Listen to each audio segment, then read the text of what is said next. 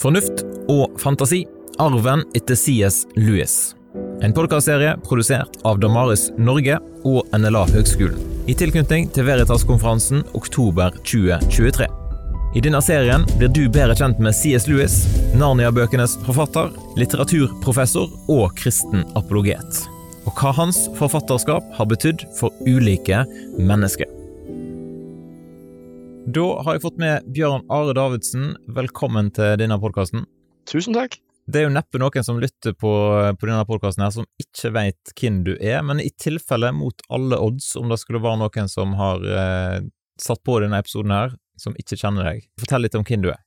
Ja, jeg er eh, en som er veldig glad i å lese og skrive. Jeg jobber for tiden i eh, tankesmien Skaperkraft. eh, Holder det gående der med artikler og foredrag osv. Og, så og så jobber jeg i noe som heter Fagsjekk, hvor vi ser på læremidler og populærvitenskap, bøker og spill, hva nå barn og eldre holder på med, hvor det er mye ulike påstander som det er grunn til å gå etter i sømmene. Så ja. Jeg har vært kristen i, siden jeg var 19 år, og har vært opptatt av alt fra science fiction til uh, ja, rockemusikk. Temaet for denne serien her er jo CS Lewis, og da lurer jeg på litt hvordan er ditt forhold til CS Lewis, og når ble du kjent med han? Det er et godt spørsmål. Jeg har et veldig nært forhold til CS Lewis fordi jeg ble kjent med han så tidlig. Jeg leste han første gangen i i tenårene, faktisk, før jeg ble kristen. Og der var det hans science fiction-bøker jeg leste. De kom på norsk på 1970-tallet. 'Reisen til Malacandra' og 'Perelandra' og sånn, som det het på norsk. Og ble veldig fascinert av, poesien, skjønnheten og liksom uvant måte å skrive science fiction på. Og så, da jeg så var blitt kristen, så ble jeg med på en sånn serie med lørdagsskoler i laget i Trondheim. Og der var det undervisning i bl.a. Uh, apologetikk, og da var C.S. Lewis veldig naturlig. Så vi gikk gjennom uh, det, det, som da het Mer Christianity, som uh, har kommet på norsk, jeg for så vidt også før det, da, som Se det i øynene. Så, så ble jeg så fascinert at jeg leste det jeg kom over av Lewis. Det var jo ganske mye da, etter hvert som har kommet, mest på engelsk. Etter hvert så har det også kommet mer og mer på norsk. Hva vil du si at uh, han har betydd for deg personlig? Han har uh, vært uh, ganske sentral, fordi vi på en måte jeg, falt for han da, fordi han hadde mye av de samme interessene som meg. Altså sånn innenfor jeg nevnte science fiction, men også innenfor fantasy. Jeg leste jo Tolkien også før jeg ble kristen.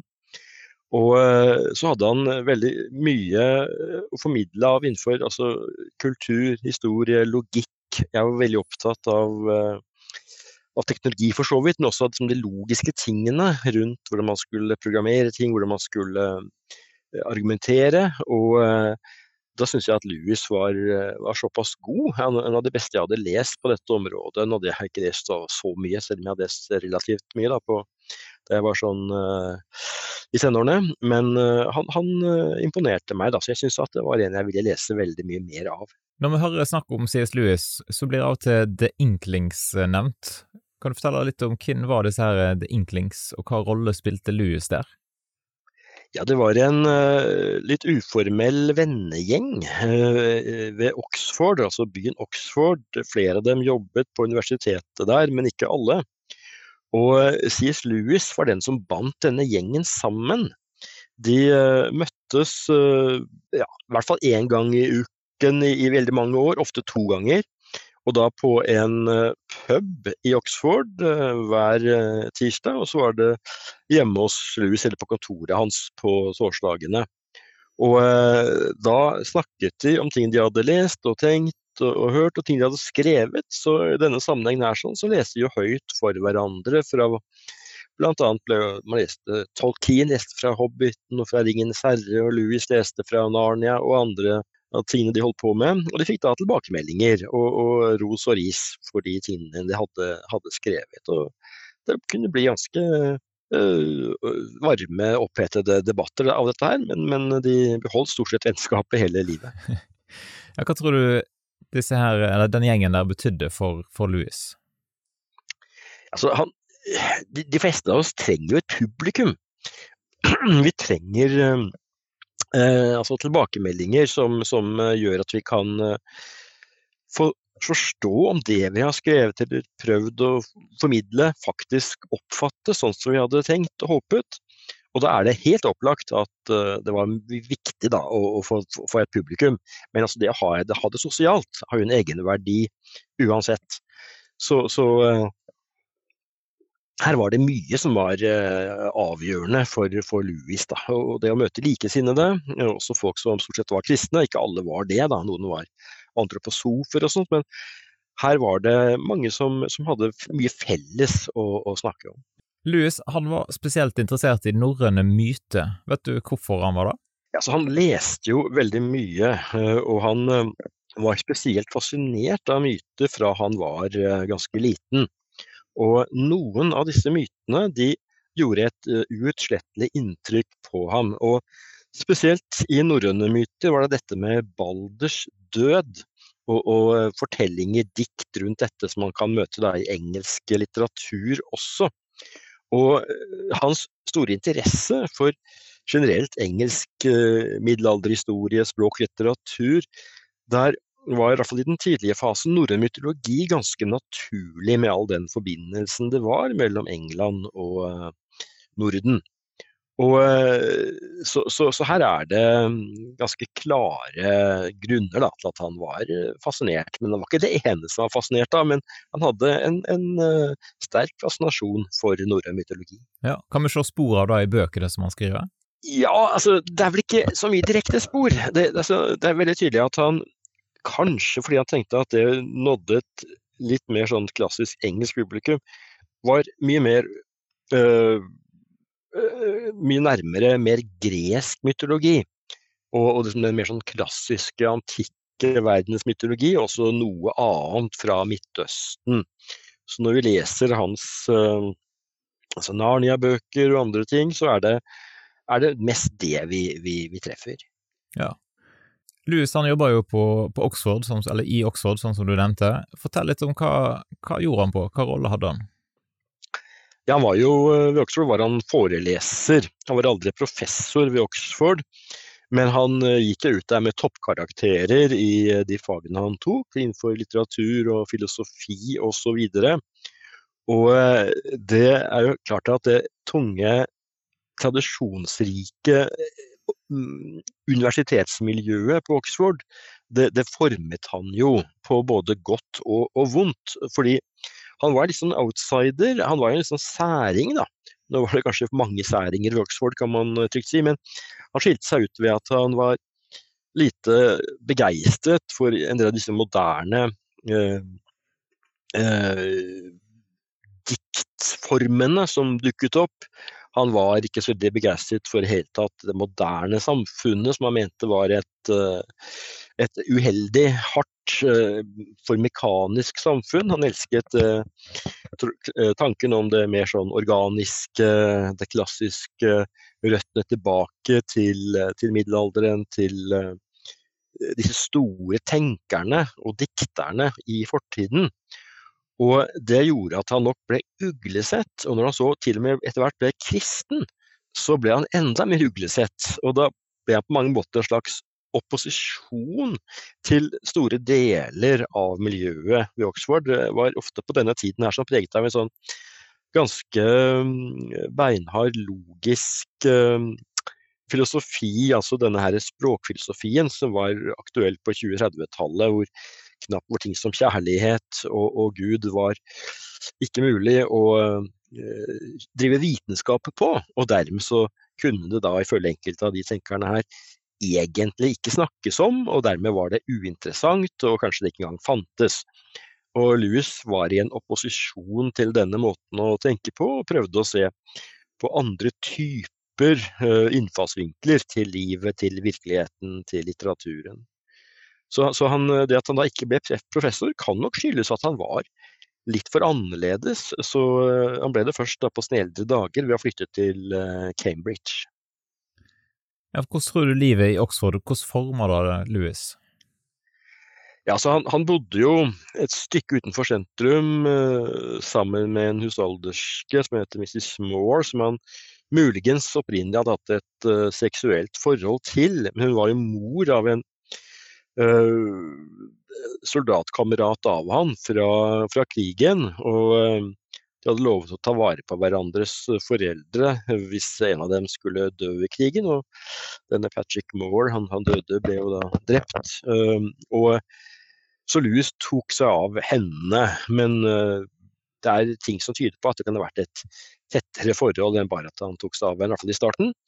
Men uh, han bodde altså sammen med henne og, og uh, hadde da på en måte et slags ungkarsliv, sånn i hvert fall etter hvert. Og det han da gjorde, var at han dro inn til, til sentrum da, og foreleste, var sammen med disse studentene når de kom med sine uh, essays og sånt, og ga tilbakemeldinger. Og så hadde han disse møtene da, uh, på denne puben, uh, Eagle and Child i Oxford, populært kalt uh, Bird and Baby, med Inklings, altså sånn vennegjengen, hvor han da fikk mye spennende stimuli.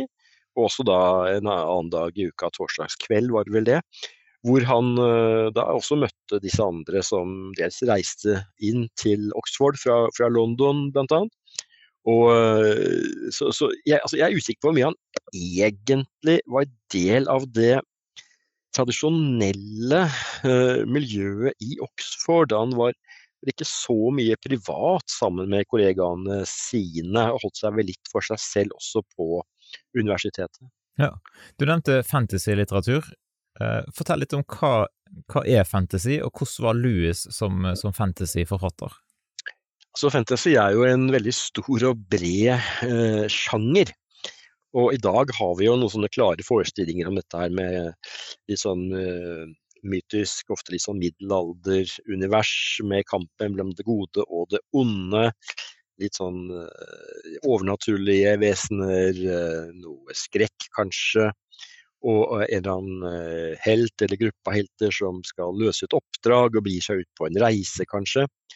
Men veldig mye av dette er ganske nytt, egentlig, og vokste i veldig stor grad fram gjennom uh, Tolkien, som var Louis' gode venn da ved Oxford.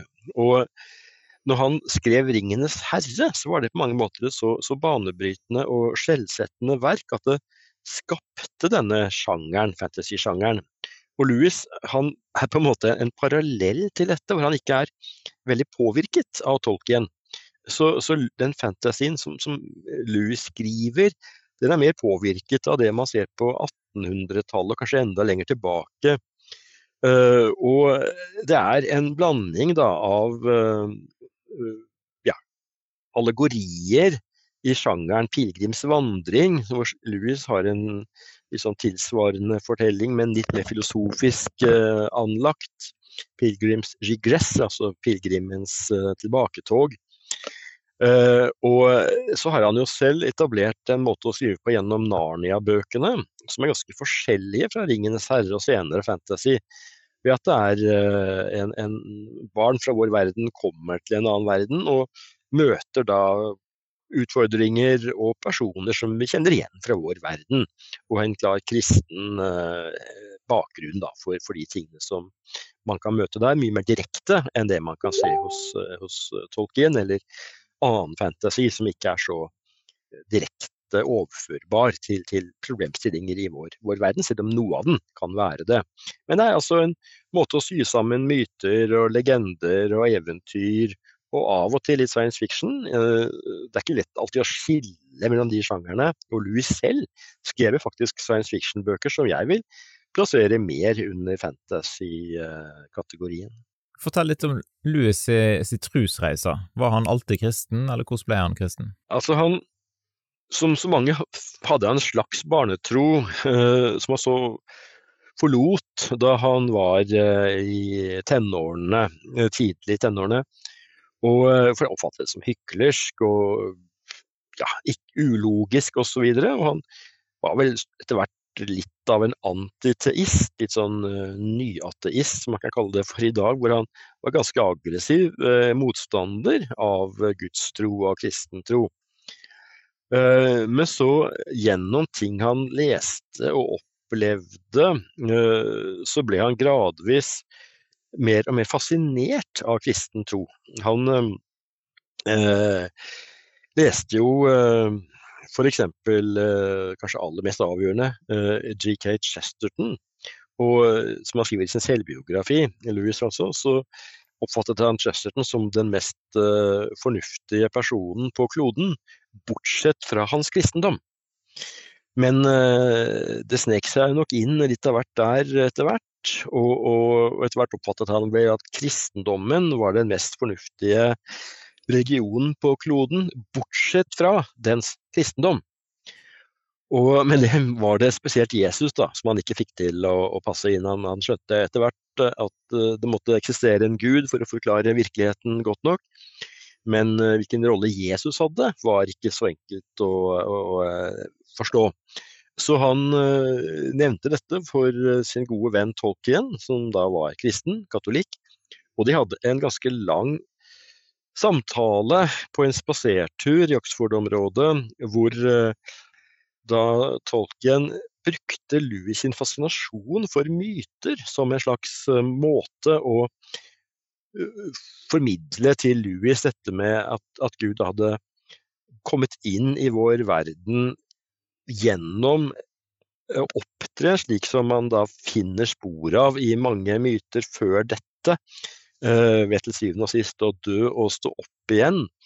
Og forskjellen på altså, At Louis var fascinert for myter, det, det var én ting, men at man nå faktisk også hadde en myte som var sann. Og den, det unike ved det, da, at det ikke bare var en myte, men at det var noe som i tillegg var sant, hadde skjedd i historien, det ble avgjørende for Louis. Han, han, han måtte bare etter hvert uh, erkjenne at det var den, den beste forklaringen.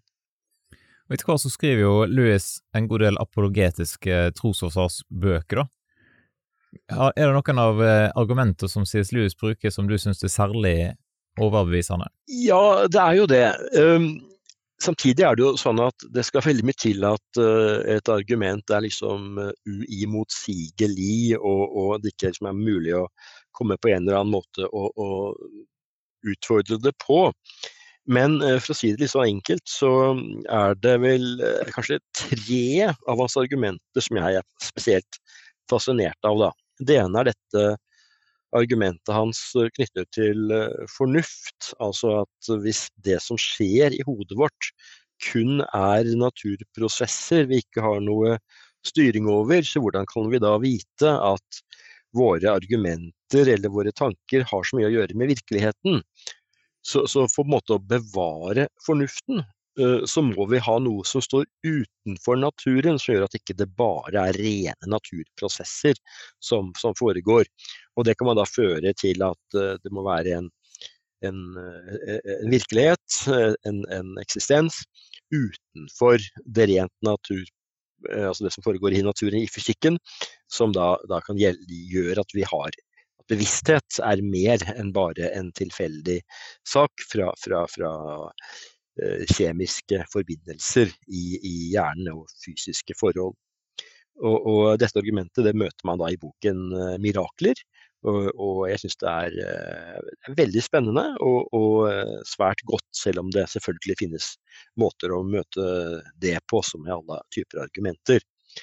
Og så er det det som åpner uh, se det i øynene, eller altså uh, mer Christianity, som går på hva slags univers det er vi lever i, hvor vi har disse sterke moralske uh, tankene, fordømmelsene av ting som er galt. Og man kan sant, svare på det kanskje fra noe evolusjonært, at det er jo bare sånn vi er, har utviklet oss, biologien vår over uh, hundretusener, millioner av år. Uh, men som Louis uh, da trekker fram, så er det slik at vi har ulike former for, for, for uh, instinkter, for, for, ting som gjør at ulike hensyn på mange måter da står opp mot hverandre. Selvoverlevelsesdriften kontra det å være en som hjelper andre. Og, og, hva det er som da gjør at vi mener at det ene er riktigere enn det andre. At det er riktigere å hjelpe andre enn å prøve å overleve selv, f.eks det er ting som tyder på at det er noe mer enn det rent naturlige bak dette. Og at når vi snakker om etikk, så er det ikke bare som ren sånn uh, observasjon av at dette er noen instinkter som konkurrerer, og, noen dominerer, og dermed gjør vi sånn. Nei, vi mener at det er faktisk spørsmål som er mye større og viktigere enn altså rasisme f.eks. Det er galt. Det er ikke bare noe vi har blitt enige om, og som kunne vært annerledes hvis vi bare hadde lagt en annen liksom, eh, tanke til grunn. Nei da, dette er og blir galt. Moralsk galt. Og, og, og da er det riktig å fordømme dette moralsk, ikke bare si at det er eh, noe som du ikke er enig med meg i, og, og siden jeg tilhører flertallet, så, så, så, får ikke du lov til å gjøre det som uh, får noen til å, å, føle at du er rasistisk overfor dem. Det tredje argumentet er jo dette knyttet til Jesus, hvem Jesus uh, er. Og uh, det er jo ofte litt sånn eh, latterliggjort at, at, han setter opp liksom tre alternativer. Jesus var, eh, var eh, sprø, eller han var en, en, en, myte, eller han var en, en, en uh, altså en sprø eller en vismann, eller han var, var Gud, Guds sønn. Og det som da noen sier, er at ok, det, dette er liksom tre alternativer, men det kan jo være flere alternativer. Det kan ha vært en myte, eh, eller kanskje et femte alternativ. Og det setter altså sånt trilemma, tre alternativer. Det blir for enkelt. Men jeg har faktisk sett originalmanuskriptet til Lewis, for dette her er brukt i hans uh, radio som var grunnlaget for uh, uh, Mer Christianity, eller Se det i øynene. Da ble han bedt av BBC om å forkorte, så han hadde med faktisk også myteperspektivet. Så han hadde med fire alternativer, han. Og svarene hans på disse alternativene er såpass gode og tankevekkende at selv om det ikke er 100% bevis, så stimulerer de til å tenke. Og, og gjør at vi ikke så lett slår oss til ro med å tro at Jesus bare var en vis mann, bare var en myte, bare var sprø.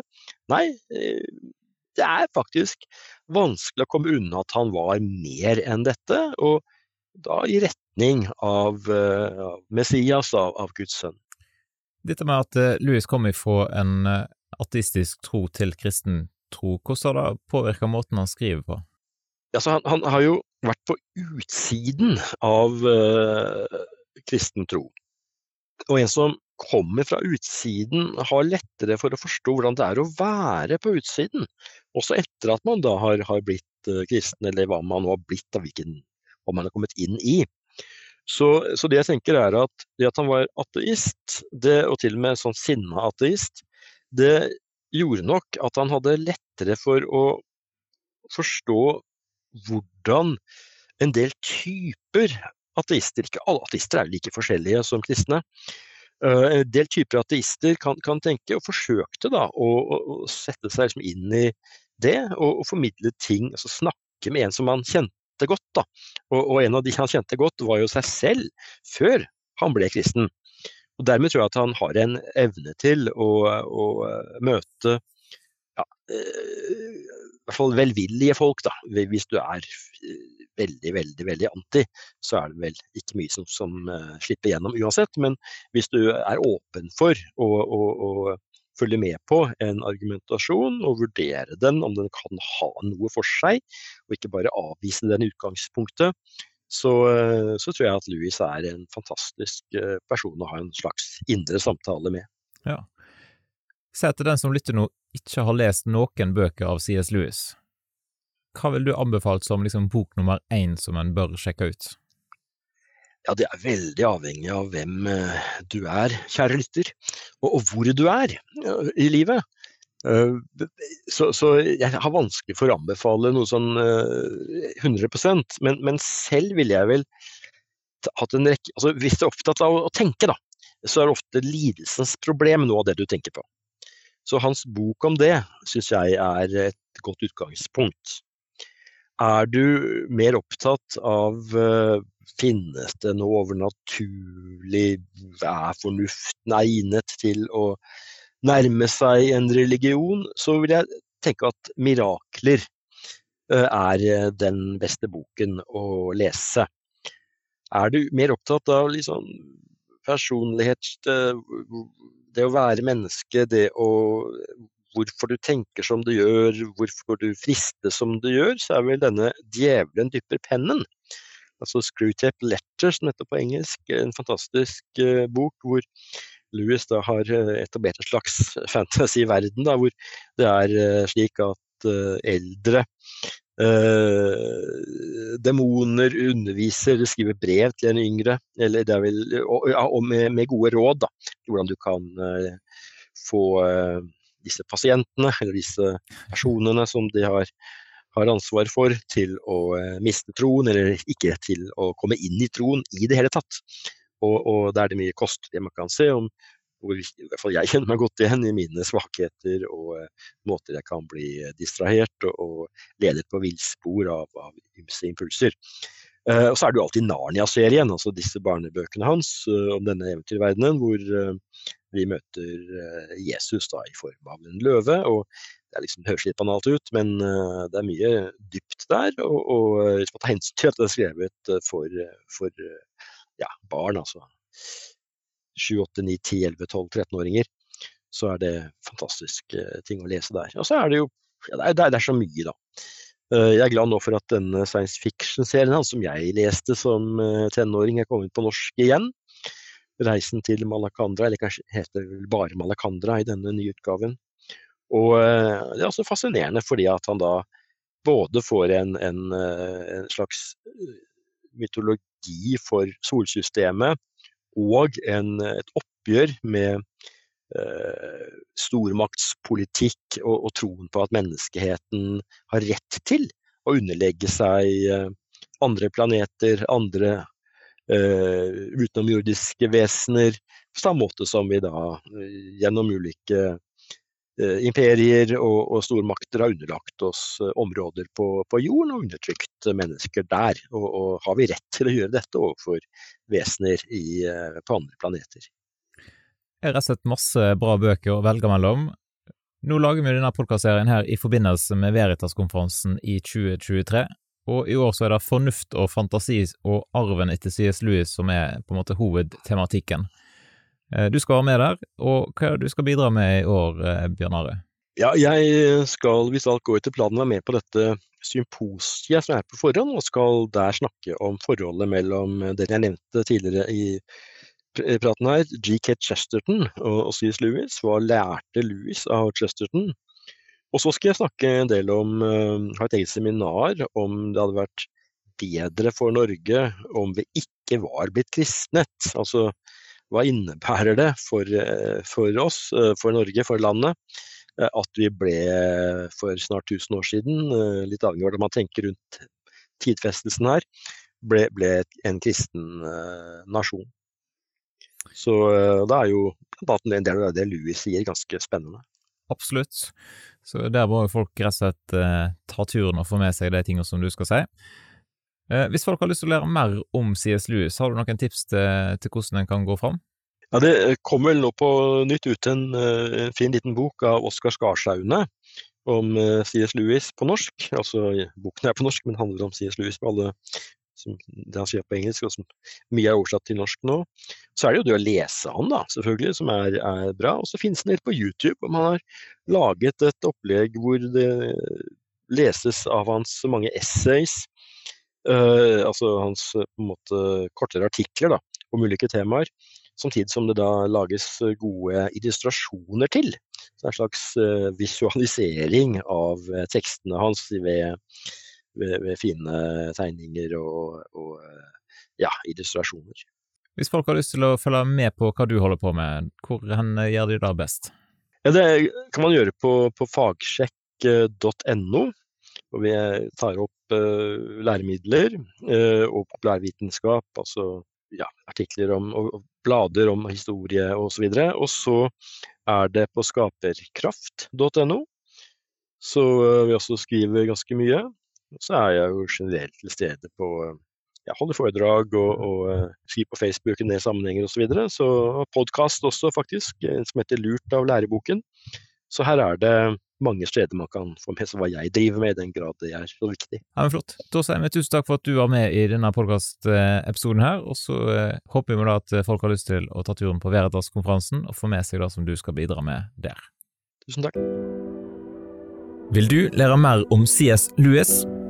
Ta turen på Veritas-konferansen, eller sjekk ut ressurser fra denne konferansen på snakkomtro.no.